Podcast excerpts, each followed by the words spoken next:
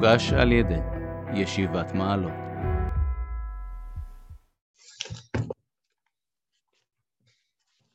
אנחנו התחלנו בפעם הקודמת,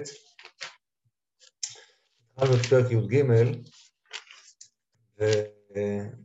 ועמדנו על, ה... על הפסוק הראשון, בין שנה שאול במולכו, שתי שנים הוא הלך על ישראל, ואמרנו מה, אה, מה הפירוש הפשוט בפסוק, אבל אנחנו עדיין לא מבינים למה. זאת אומרת, הרב, לא שומעים. מההתחלה לא שמעתם כלום? לא, דיברנו על הפסוק הראשון, ומשם לא שמענו. אוקיי, זה נלחץ פה משהו, בסדר. אוקיי.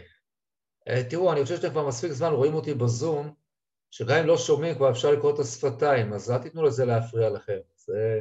נראה אתכם. טוב, אז אה, אמרנו, הפסוק הראשון, אה, אמרנו שהפירוש הפשוט שצריכים לומר בו, כפי שכבר אומרים, זה לא רעיון שלנו, אה, שבעצם זה פסוק חסר. כאילו בין כך וכך שנים שאול במולכו, לא בין כך וכך שנה, בין איקס שנה שאול במולכו.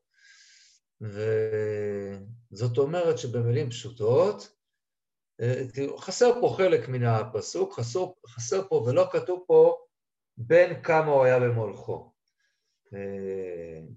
ולדבר הזה כמובן נצטרך למצוא הסבר למה לכתוב את זה, למה הנביא מעלים מאיתנו את, את הגיל שבו שאול היה במלכותו. אגב, רק תשימו לב שזה מופיע למשל, יש לנו דבר דומה לזה, קצת שונה, כשאני לומד ספר מלאכים אני מסביר את זה ביתר הרחבה, אבל תראו רגע במלאכים א' בפרק ט"ו, בפרק ט"ו במלאכים א' פסוק ט', כתוב כך: ובשנת עשרים לירובעם מלך ישראל, מלך עשה על יהודה. וארבעים ואחת שנה מלך בירושלים, בשם אמו מעכה בת אבישלום. זו בדיוק דוגמה קלאסית. השטנץ הקבוע הוא בין כך וכך שנים במולכו, וכך וכך שנים מלך בשם אמו. וגם פה הורידו את, את ההתחלה. מתחילים מאמצע הפסוק, ו-40, כאילו כתוב, בין כך וכך שנה עשה במולכו, כל זה הורידו, ו-41 שנה בירושלים בשם אמו. אז פה הורידו כבר נתח יותר נכבד מן הפסוק, אז יותר קל לזהות את זה. אצלנו הורידו רק את ה...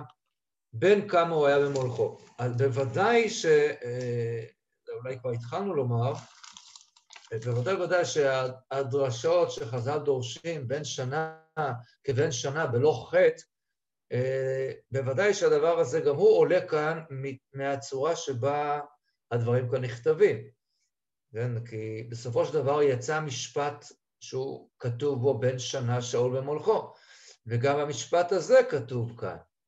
כן? אז מכיוון שכך, גם לזה התכוונה הנבואה לומר, שהוא כבן שנה בלא חטא. למה זה כל כך חשוב לומר לנו את זה? גם את זה אנחנו עדיין לא יודעים בשלב הזה. אבל בכל אופן, זו בהחלט חידה גדולה, מה פשר העניין שהנביא לא משתף אותנו, לא מספר לנו בין כמה הוא אה, בדיוק היה במולכו. אמרנו כבר שבהקשר הזה גם די ברור שהמשך, חלקו השני של הפסוק, גם אותו אי אפשר לקרוא כפשוטו, הוא שתי שנים הלך. על ישראל אין מצב, באופן פשוט, לדחוף את כל האירועים שקרו לשאול, לדחוף את כולם בשתי שנות מלכותו, זה כמובן לא סביר ולא ניתן. אני מדבר, רק אחרי דוד כמה הוא רודף וכמה זמן זה לוקח לו, הרבה מאוד זמן. אה, כן, אם רק נכניס לרגע אחד, תראו את, את, אה, לקראת סוף פרק י"ד, תראו את סוף הפרק הבא. אז נראה פה מה, מה כתוב כאן בפסוק מ"ז. אנחנו נחזור לפסוקים האלה, אבל ושאול לחד המלוכה על ישראל וילחם סביב בכל אויביו, במואב, ובבני עמון, ובאדום, ובמלכי צובה, ובפלישתים, ובכל שלפני ירשיע, ויעש קין ואחת עמלק, וזה כל זה קרה בתקופה של שנתיים, מאוד מאוד מאוד מאוד קשה לקבל. אה, שוב, יש בתווך עוד סיפורים שלמים, שהמרדפים שלו אחרי דוד, ועוד אירועים מאירועים שונים, שכמובן מאוד מאוד קשה, ל, אה, קשה להבין. אז גם כשכתוב פה שתי שנים הלך על ישראל, אה, נאמר כרגע, שמה שהנבואה בעצם אומרת לנו אולי, שאנחנו לא סופרים את כל השנים שלו. יש שנים של שאול, שאותם אנחנו לא סופרים. לא עולים לו מן החשבון, ו... ודברים כאלה קיימים. דברים כאלה קיימים. אולי ניקח דוגמה אחת מעניינת, שאנחנו רואים שבצורה פשוטה, בפשט ממש, והתברר שיש זמן שהוא לא עולה מן החשבון, וניקח דוגמה אולי קצת מפתיעה מספר בראשית. מה הדוגמה מפתיעה מספר בראשית? אני ניקח את, את מספר, מספר שנותיו של נוח. אתם זוכרים? כתוב, פעמיים אפילו, כתוב, בין כמה היה נוח כשהחל המבול. זוכרים? זה היה לפני הרבה שנים. בין כמה נוח היה? זוכרים? בין כמה הוא היה? 600. 600 שנה, כן. נוח היה בן 600 שנה כשהיה המבול. ואחר כך כתוב כמה שנים נוח חי אחר המבול. מישהו זוכר? נכון, לפחות אף אחד לא אמר... 350. זה משהו יפה. כמה? 350. נכון, עוד 350 שנה. סך הכל 950 שנה, וזה מה שבית התורה אומרת. אבל זה לא מדויק, מכיוון שמה עם שנת המבול? המבול עצמו לקח לו שנה שלמה, שנה ועוד 11 יום, כפי שרש"י אומר, זה ההבדל בין שנת ירח לשנת, לשנת חמה, לשנת שמש, כלומר, הוא חי 600 שנה עד המבול, הוא חי 350 שנה לאחר המבול, והוא חי את כל שנת המבול. כלומר, בסך הכל צריך להגיע ל-951 שנים. אבל לא, כתוב 950. ואל תגידו לי שמעגלים שנים שם, כי אנחנו יודעים שכל השנים שם לא מעוגלות, כן? זה כל מיני מספרים.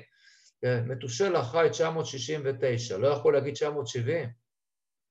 זה לא, אומרים לך את השנים המדויקות. אז השנה של המלכות, כן? יכול להיות שזה נכנס לתיבה בשנה ה-600 לחייו? זה הגיוני תירוץ כזה? אה, אפשר, אבל זה אפשר היה לומר בפסוק אחד. הפסוק השני שמה, אני אקריא לך רגע אותו, כבר אי אפשר להתווכח איתו כל כך.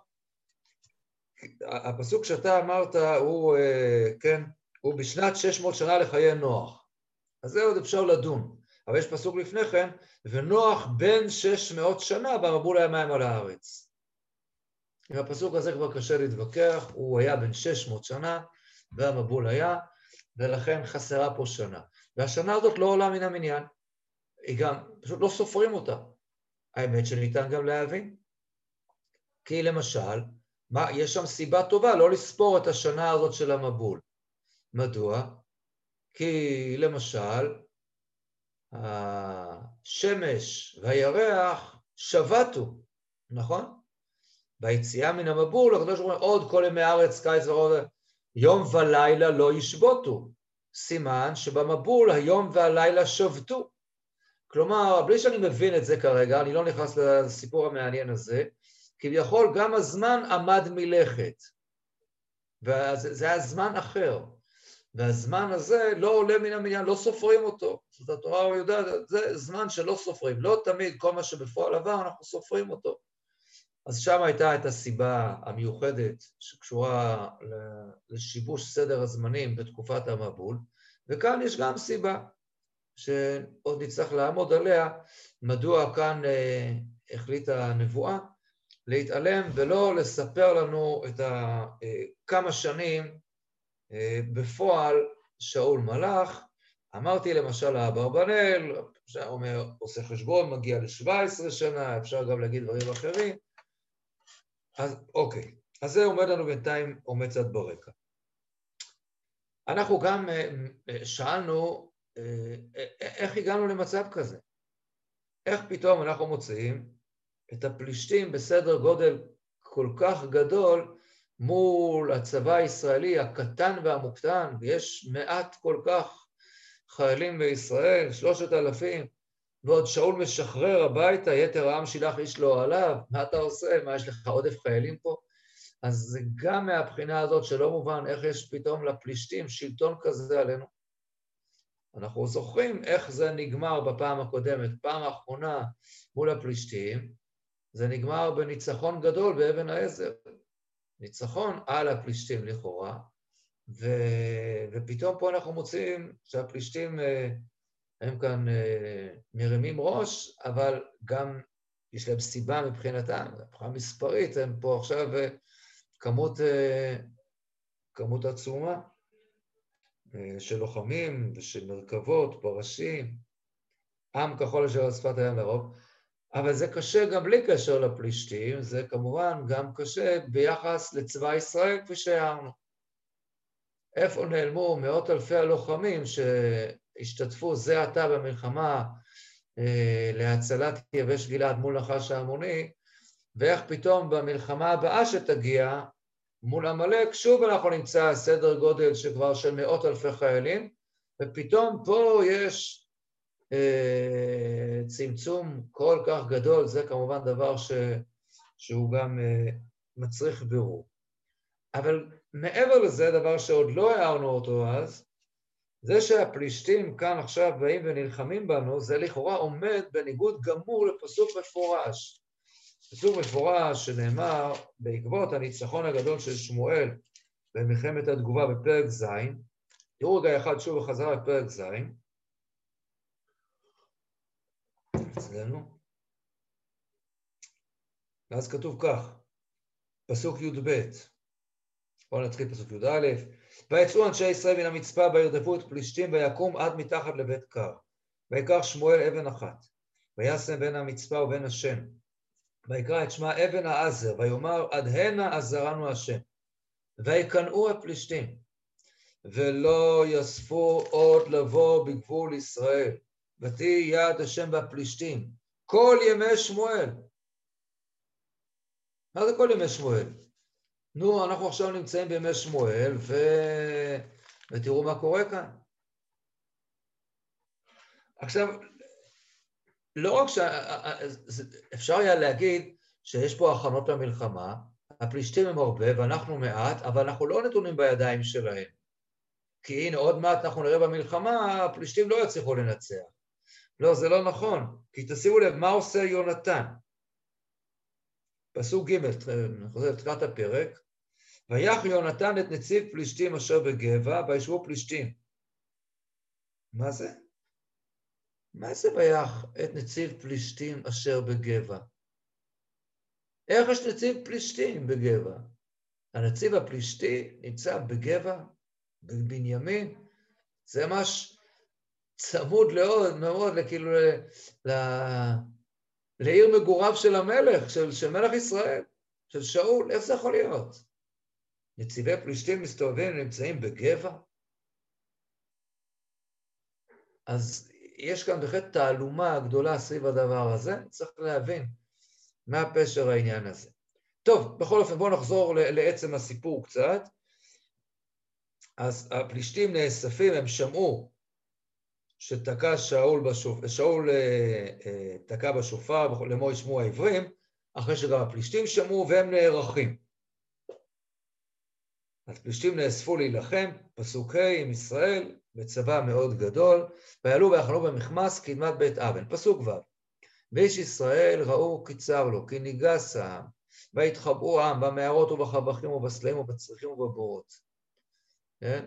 פחד גדול מתחבאים מתחת לאדמה, ועברים עברו את הירדן, ארץ גד וגלעד.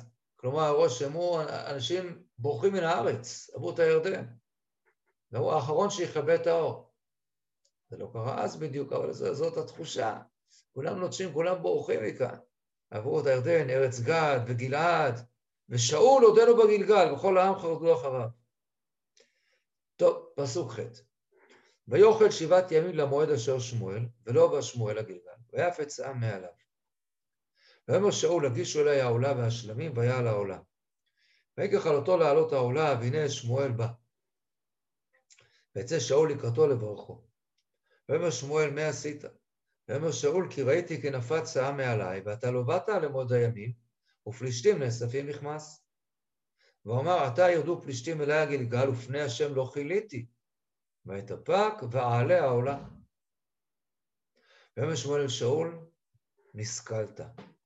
לא שמרת את מצוות השם אלוקיך אשר ציווך, כי עתה, אם כן היית שומר, הכין השבט ממלכתך אל ישראל עד עולם. ועתה ממלכתך לא תקום. ביקש השם לו איש כלבבו. ויצווהו השם לנגיד על עמו, כי לא שמרת את אשר ציווך השם. טוב, בואו נגיד את האמת. תחושה לא נוחה יש בפסוקים הללו, אני חושב. יש איזושהי תחושה שלא נעשה פה צדק אפשרות. קשה להגיד משפט שכזה, אבל שוב, בזהירות אני אומר, קשה שלא להרגיש אולי קצת לשם רגשות, אה, כמעט הייתי אומר אפילו קצת של כעס כלפי שמואל. מה, מה, היית, מה, מה אתה מצפה שהוא יעשה? מה אתה רוצה שיעשה? הוא מחכה, מחכה, הפלישתים, בסדר גודל כוחות מדהים, מלחיץ ומפחיד, כל העם, כולם מפחדים, והוא מחכה, ושמואל לא הגיע. עכשיו, שמואל לא מגיע, ולא רק זה, אלא ויאכל שבעת ימים למועד אשר שמואל, ולא בא שמואל לגלגל. כלומר, שמואל מאחר. שמואל מאחר, קבע לו זמן, ושמואל לא מגיע בזמן. אז הוא, עם הקושי שהיה, אז הוא מעלה, מעלה את העולם. עכשיו, בואו נגיד כרגע שזה לא היה בסדר. בואו נראה שזה לא היה בסדר. היית צריך עוד קצת לחכות. אי אפשר להבין אותו.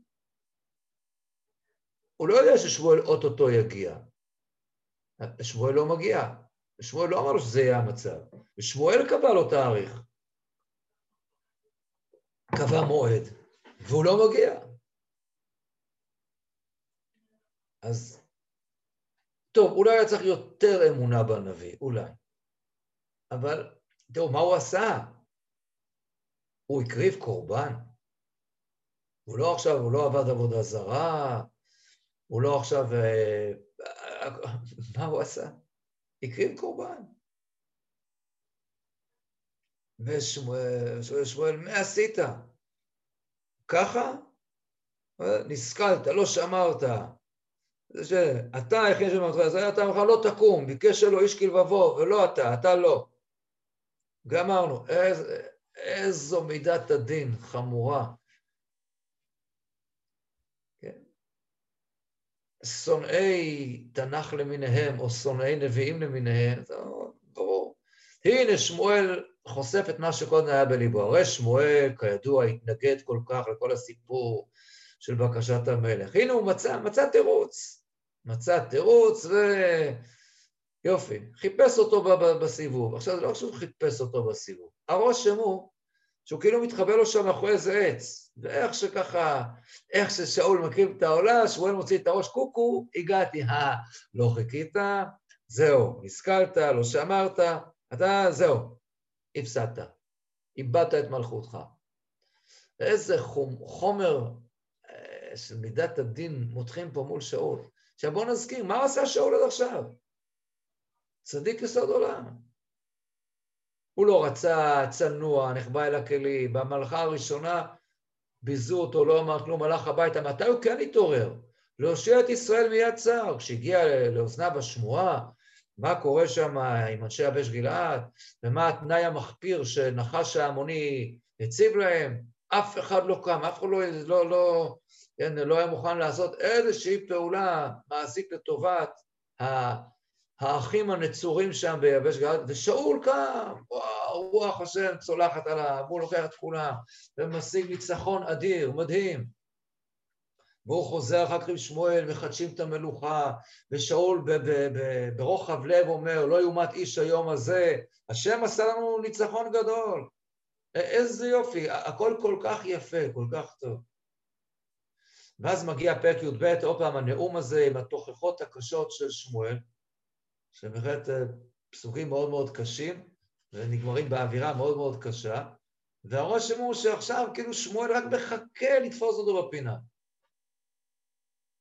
כמעט אפשר להגיד ששמואל מתאחר פה בכוונה. הרי למה שמואל לא הגיע בזמן? לא כתוב. אולי הוא היה בעצם עסוק כרגע בכתיבת ספר שמואל ב', יכול להיות. לא כתוב. אז למה, הוא, אז למה הוא מאחר? אם הייתה סיבה טובה לאיחור שלו, לכאורה, היה צריך לספר לנו מה הוא עושה שמואל בינתיים, אבל לא כתוב, כל מה שכתוב שהוא באמת מאחר, ולא בא שמואל. עכשיו, זה נכון שהוא איחר, הרי שמואל שואל אותו מה עשית, ואומר שאול כי ראיתי כי נפצת ואתה לא באת למועד הימים.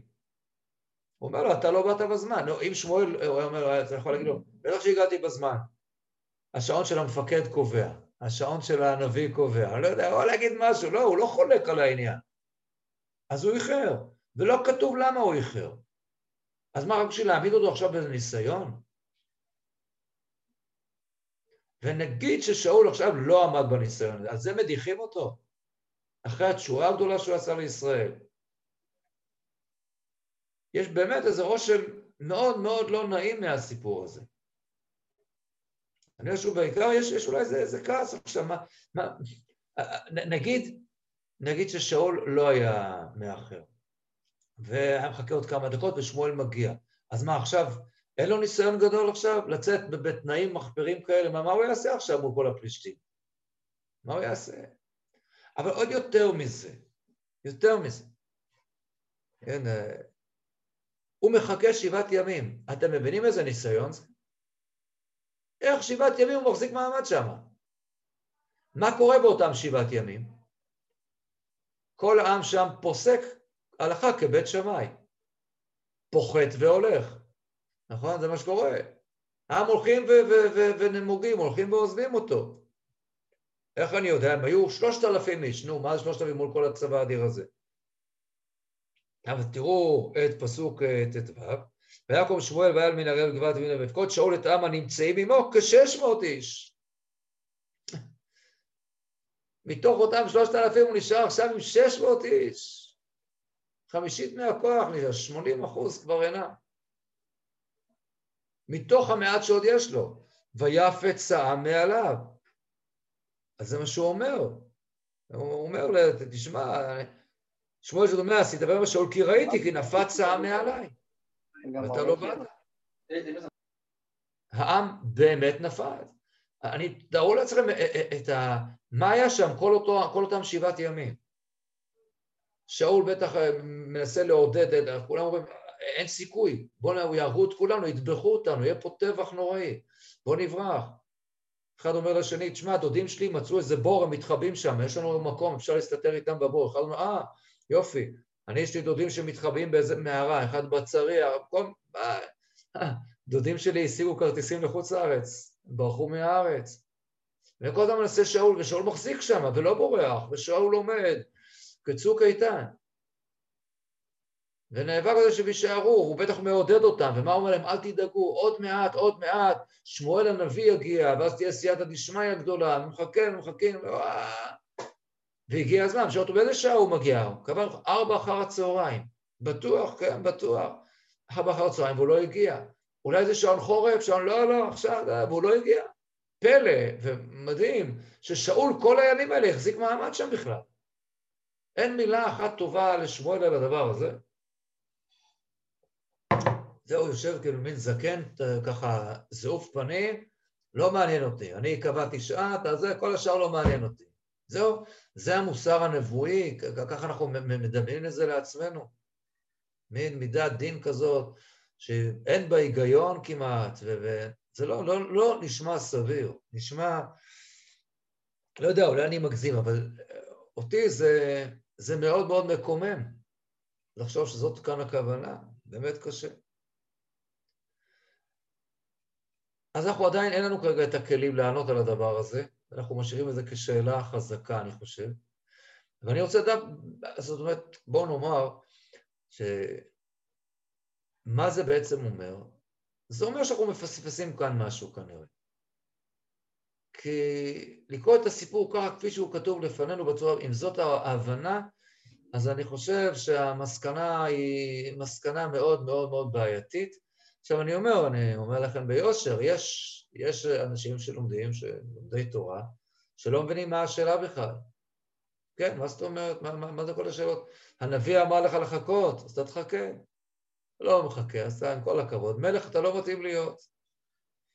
וזהו, אנחנו אמורים להיות צייתנים ולקבל, ואפשר לתת פה דרשות שלמות על נעשה ונשמע, ועוד כל מיני דברים, ועוד להגיד, בוודאי המלך צריך להיות אחד כזה.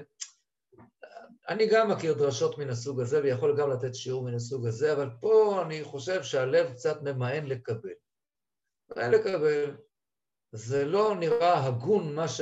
גם אם עשה, היה פה ניסיון ושאול לא עמד בו בנקודה הזאת, אבל כל כך הרבה נקודות זכות יש לשאול כאן, שהחשבון נראה קשוח מדי, ו... אה, זה בהחלט מתאים מאוד, ככה אתם יודעים שיש ככה נגיד בעולם המחקר יותר, יש אלה שנקראים אוהבי שאול ושונאי דוד למיניהם, שהם מנסים להראות בצורה מאוד מאוד, איך ה, ה, כל הספר הזה נכתב, מבח... ככה מבית מדרשו של דוד, ורק מנסים ככה להלבין את חטאיו של דוד ולהשפיל את שאול. הבל הבלים כמובן, אבל שאיכשהו אנחנו מחמירים פה עם שאול הרבה הרבה מעבר למה שנשמע סביר וראוי והגיוני ומוסרי. אני אעיר עוד משהו. אני אעיר משהו. זאת אומרת, הרושם הוא, הייתי אומר כמעט, ששמואל מאחר בכוונה. כי הוא מאחר במעט מאוד זמן. איפה, איך אני יודע שהוא איחר מעט מאוד? תראו, למשל, אולי נעמוד על עוד משמעות, אבל כרגע נאמר רק את הנקודה. תראו את פסוק ט', מה שאול מבקש להקריב קורבן. אבל תשימו לב, הפסוקים פה יותר מדויקים. פסוק ט', ואומר שאול, הגישו אליי העולה והשלמים. ויעל העולה, ויקראתו לעלות העולה, והנה שמואל בא. כלומר, מה שהפסוק כאן אומר לנו, ששאול ביקש להקריב עולה ושלמים. הוא לא הספיק אפילו, הוא הקריב רק את העולה וכבר שמואל הגיע. הוא לא הספיק להקריב אפילו את קורבן השלמים. כן, בוא נאמר שמה זה קורבן עולה, אני מבין, מעלים אותו כליל, אבל קורבן שלמים באופן פשוט זה דבר שמה עושים איתו? מה עושים עם קורבן השלמים? מה עושים עם הבשר של השלמים? אוכלים אותו. מה המקום עכשיו פה להקריב קורבן שלמים? בוא נאמר שיש בהחלט מקום לחשוב שאולי מה שעשה כאן שאול היה פשוט פטנט להרוויח קצת זמן. הוא מחכה ששמואל יגיע. אז טוב, בסדר, הגיע הזמן, לא, ואז טוב, אין מה לעשות. אז הוא מקריב קורבן. אומר, טוב, נקריב קורבן להשם, אחר כך תביאו נעשה גולה ושלמים, נאכל קורבן שלמי, עד שזה, זה, זה ייקח עוד, עוד שעתיים, שלוש, עד שאולי אפילו יותר. בינתיים אולי שמואל יגיע. מזכיר לנו עוד מישהו שניסה פעם להרוויח זמן בצורה מאוד מאוד דומה, נכון? לא יכול שלא להזכיר את אהרון, חטא רגל, נכון? אז ויאמר חג להשם מחר, בונה מזבח, כאילו, הוא רוצה להרוויח זמן. אז כל כך הרבה נקודות שנראות כאן ככה שהן בכל אופן לזכותו של שאול וכל זה, שמואל זה לא מעניין בכלל, ואיזה ביטויים גם חריפים. ויאמר שואל שאול, נשכלת, לא שמרת את מצוות השם אלוקיך אשר ציווך. תדע לך, הייתה לך הזדמנות, כי אתה הכין השם ממלכך על ישראל עד עולם, ואתה, ממלכתך לא תקום. ביקש השם לו איש כלבבו. אתה לא איש, הוכחת שאתה לא איש כלבבו של הקדוש ברוך הוא.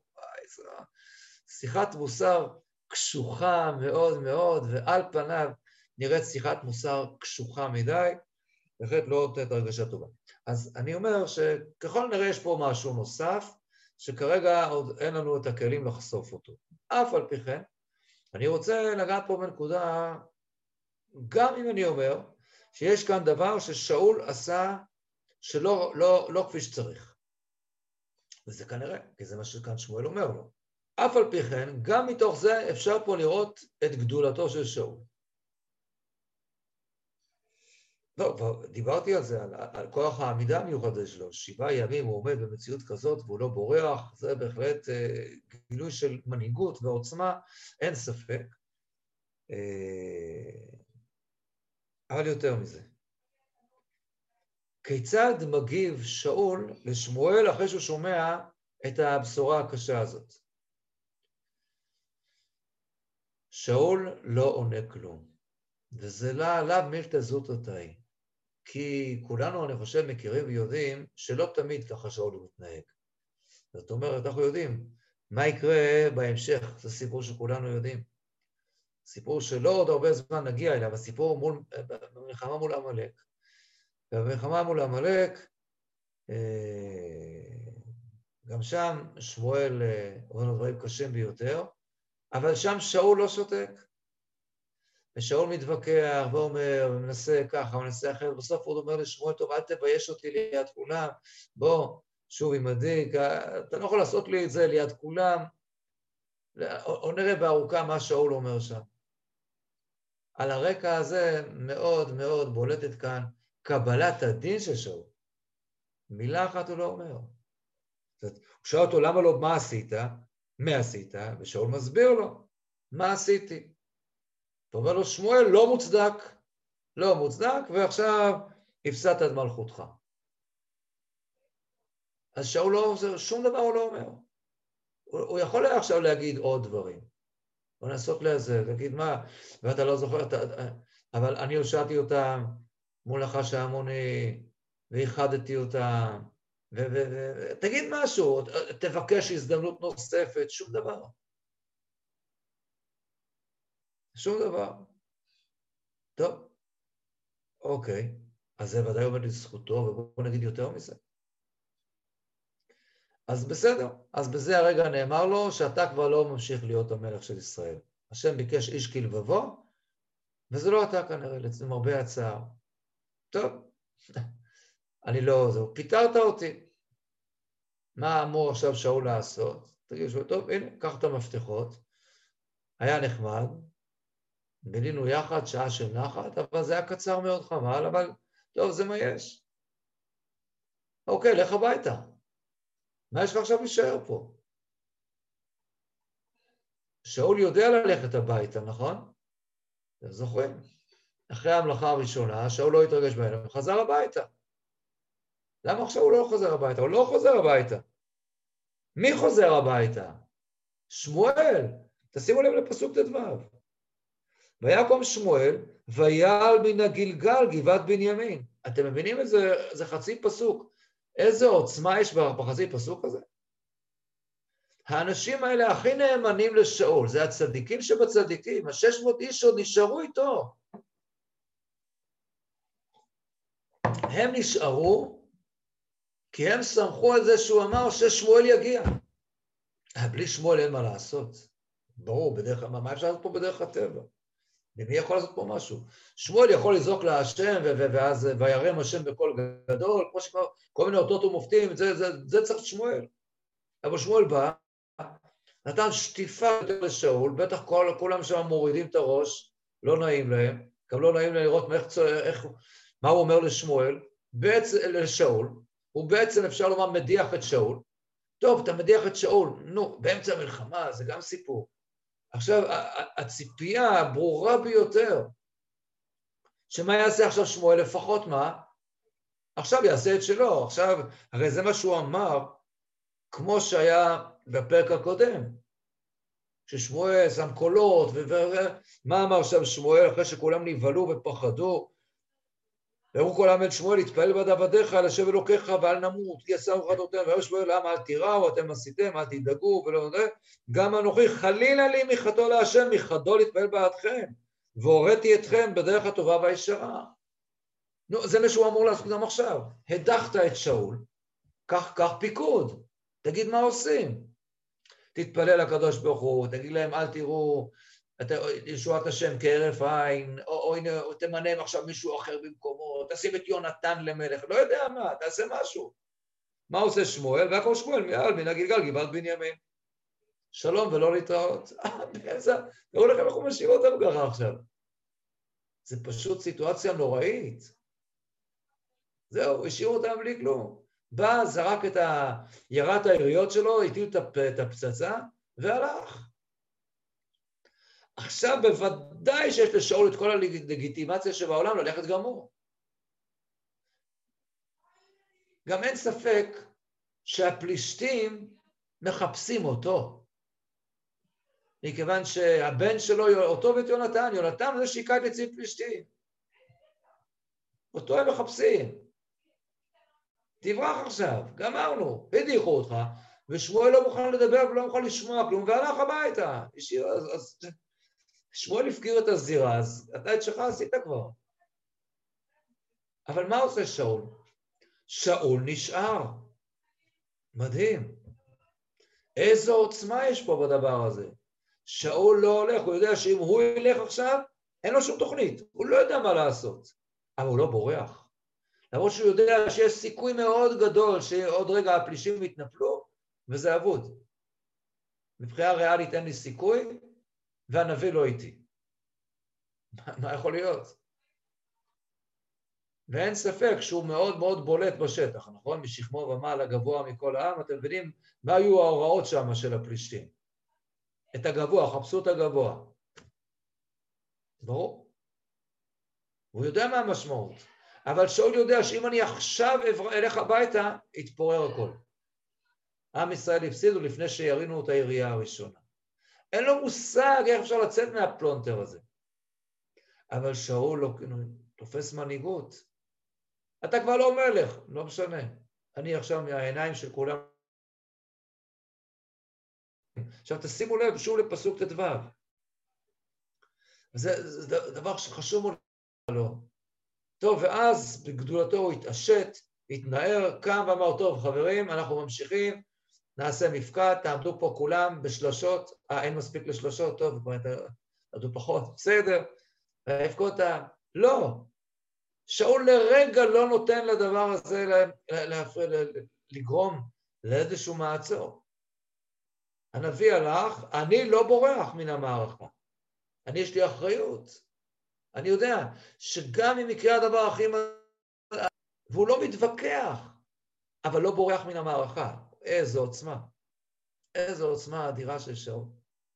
שוב, אז אני אומר, אני אומר, אני מדגיש את זה מאוד מאוד, כי זה יבוא בצורה כל כך כואבת וחריפה, בניגוד למה שיקרה לו במלחמת עמלק. אני רק ארמוז כרגע, ששאול יחזור על מהלך מדהים שכזה עוד פעם אחת. וזה יהיה שוב מול הפלישתים, בקרב האחרון של חייו, כאשר תהיה סיטואציה מאוד מאוד דומה. שמואל איננו, ושאול לחוץ מאוד מאוד לקבל דעה משאול, משמואל. כי שוב, הפלישתים הם בשם עדיפות גדולה מאוד, ושאול בלחץ. ובסוף שמואל, אם אצל בעלת האוב נוצר הקשר בצורה לא נכונה ואסורה, אבל בכל אופן, ואומר לו שמואל, מה אומר לו שמואל? תדע לך, מחר אתה ובניך ימי. שמואל כבר מת. כלומר, מחר אתה, זהו, מחר אתה מת. הפלישתים מנצחים אתכם. ושאול יודע את זה, והוא מאמין, אני יודע מי זה שמואל. הדבר שהייתי מצפה שהוא יעשה עכשיו, כמובן, אז, אז תלך הביתה. אל, תצא למלחמה הזאת, יהרגו אותך שם. ושאול יוצא למלחמה בראש מורם, כשהוא יוצא בידיעה ברורה שהוא הולך לקראת מותו. אבל הוא לא, הוא לא זונח את צבא ישראל. הוא נשאר עד הסוף. ואת זה הוא עושה כאן. ואת זה הוא עושה כאן, ואין ספק שהדבר הזה הוא עוצמתי מאוד מאוד, ועוד נראה האם לדבר הזה יש לזה גם השלכות, מלבד עצם ההבנה שאנחנו מגלים פה את שמואל גם כשהוא נמצא לכאורה ברגע לא כל כך טוב, כי קרה כאן משהו, קרתה כאן תקלה, גדול עליו. אחרי כל זה, להגיב בצורה שכזאת, טוב, אין ספק שאנחנו מבינים יותר למה מראש הקדוש ברוך הוא כן בחר בשאול. לא הייתה תקלה, זו לא הייתה טעות. בואו נמשיך את הסיפור. פסוק ט"ו, שוב, ויקום שמואל ויעל מן הגלגל גבעת בנימין, ויפקוד שאול את העם הנמצאים עמו כשש מאות איש. ושאול עכשיו, תשים לב גם, גם זה דבר מאוד חשוב. למה הוריד לנו כ-600 איש? כי מעגלים פה, למה? תראו איך כתוב בהתחלה, בפסוק ב', ויבחר לו שאול שלושת אלפים מישראל, והוא עם שאול אלפיים במכמס ואלף הוא עם יונתן. אז פה לא כתוב כשלושת אלפים. יודעים לספור בדיוק. כנראה זה גם יחידות צבאיות, מדויקות, ככה, זה לא יצא במקרה, הוא בחר.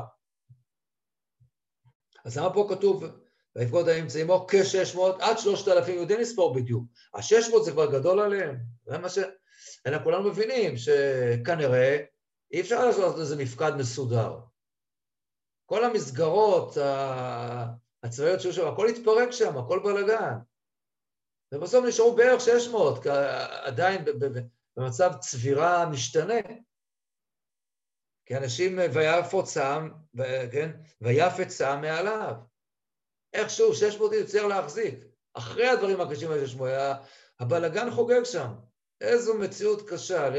כבר המסגרת הצבאית, אפילו הקטנה הזאת של שאול, היא כבר לא מסודרת ולא מאורגנת, ושאול נשאר. מדהים. פסוק ט"ז, ושאול ויונתן בנו ועמה נמצא עמם יושבים בגבע בנימין, ופלישתים חנו במכמס. ויצא המשחית ממחנה פלישתים שלושה ראשים, הראש אחד יפנה דרך עופרה אל ארץ שועל, והראש אחד יפנה דרך בית חורון, והראש אחד יפנה דרך הגבול הנשכב הגיא הצבועים במדבר. טוב, הכוח הפלישתי עולה כאן מזרחה משלושה ראשים, טוב, לא, לא, צירי תנועה אווירים לסוס ורכב, טוב. פסוק י"ט, וחרש לא יימצא בכל ארץ ישראל, כי אמרו פלישתים, פן יעשו העברים חרב רוחנית, וירדו כל ישראל לפלישתים, כלומר אל הפלישתים, ללטוש איש את מחרשתו, ואת עיתו ואת קרדומו ואת מחרשתו. יש פה פעמיים מחרשה, רק בניקוד שונה. כן, אחד זה המחרשה, מה שאנחנו קוראים מחרשה, ואחד הכוונה לכלי, כלים שצריך, שצריכים בשבילם חרש לתקן אותם. כלומר, אסור שיהיה חרש, יש גזרות של הפלישתים. זה לא קרה עכשיו באמצע המלחמה. וחרש לא יימצא, כן? זה עבר מוקדם. זאת אנחנו נמצאים שוב בתקופה שהפלישתים איכשהו שולטים, לא כשנציג פלישתים נמצא פה ומסתובב פה ומהווה, אלא שהם ממש שולטים, לא מאשרים חרושת ברזל בעם ישראל. תראו, למה? כי אמרו פלישתים, פן יעשו העברים חרב רוחנית. אוסרים על התעשייה הזאת של חרושת הברזל שלא לא יכינו כלי נשק. ואם בכל אופן אנחנו צריכים לתקן את, ה, את הכלים שלנו, אז אין בעיה. אתם יורדים לבתי החרושת, לאזור התעשייה של הפלישתים, ואצלם אתם צריכים. והייתה פצירה, עפים, במחרשות, ולעטים, שלוש קלשון ולקרדומים, אז בדורבן יש פה את המחירון, כן? כמה היה צריך לשלם על הדבר הזה, וכנראה זה מחיר גבוה ואין לישראל ברירה. והיה ביום מלחמת, ולא נמצא אחר וחנית ביד לכל העם, אשר את שאול ואת יונתן, ותימצא שאול ויונתן בנו. עכשיו, לא רק שאנחנו נמצאים עם כל כך מעט לוחמים, והפלישתים רבים כל כך, והמצב הרוח, הרוח הוא כל כך נורא במצב אחרי באמת ההתפזרות ושהעם התפזר ושחטפו מעל הראש משמואל ושמואל נטש ועזב אותם, התקווה שעוד ככה תלו בו, כל זה התפוגג, מתברר שאפילו כלי נשק אין להם, כלום. והיה ביום ותימצא לשאול יונתן בנו, הוא חזר נכנס, וכאן כמובן יש שתי אפשרויות שנחלקו המפורשים, כן? האם ותימצא לשאול יונתן בנו, יש שתי אפשרויות להבין את זה, שזה נפקא מינה שבאמת מאה אחוז בכמות הנשק. האם הכוונה ותימצא חרב אחת לשאול ויונתן בנו ביחד, או חרב אחת לשאול וחרב אחת ליונתן. אתם מבינים שמשנה את כל הסדה, כל סדר הכוחות. האם יש חרב אחת או שתי חרבות? מה זה? איך הגענו למצב כזה? ויצא מצב פלישתים ומעבר מכמס, וואו, מתקרבים, מתקרבים מאוד, ו... אז, אז, אז מה, מה עושה שם הצבא? אז אין לו כלום. אין לו חרבות, אין לו, אין לו חני, אין כלום. במה הם עכשיו נלחמים? אנחנו יודעים שהפרק הבא כבר מתאר את המלחמה. ובשלב מסוים, כן, אז, אה, אז רודפים אחרי הפלישתים. אנחנו נראה איך הדבר הזה קורה. עם מה הם רודפים אחריהם? הם זורקים עליהם אבנים? או אולי הם צועקים אש, אש, אש, אש? אין להם נזק. אין נזק, זה, זה לא יכול להיות פה הסיפור הזה. איך זה עובד כאן? מה, מה, מה קורה? רגע, ואיפה כל הנשק שהיה להם כשהם היכו את, את נחש ההמוני? נעזוב את המספרים של החיילים, אבל איפה, איפה הנשק? מה, הכל נעלם פתאום? איך יכול להיות? יש פה באמת, מבחינת הריאליה של הסיפור, לפחות זה עוד בשלב הזה, השלב הבא עוד יהיה יותר מסובך. משהו פה, יותר ממשהו אחד, לא לגמרי מסתדר, מה, מה פשר כל החורים האלה בסיפור, איך, איך צריך למלות אותם ולהבין מה כאן מתרחש, אז איך שאני מבין את הדברים, זה בעזרת השם נראה כבר בשיעור הבא. אז עד כאן להיום, כל טוב להתראות בינתיים. תודה רבה הרב. תודה רבה, הרב. תודה רבה. תודה רבה, הרב. תודה רבה. תודה רבה. להתראות.